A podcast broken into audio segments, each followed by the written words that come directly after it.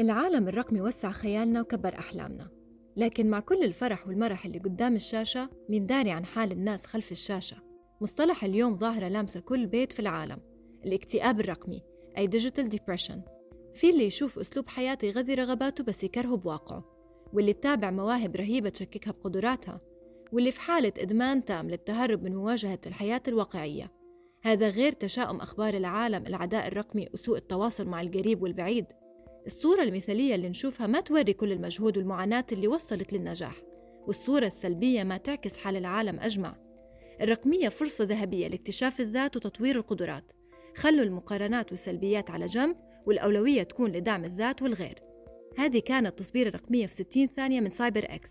كيف ممكن نحد من انتشار ظاهرة الاكتئاب الرقمي في مجتمعنا؟ شاركونا نصائحكم على هاشتاج تصبير الرقمية وتابعونا. سلام.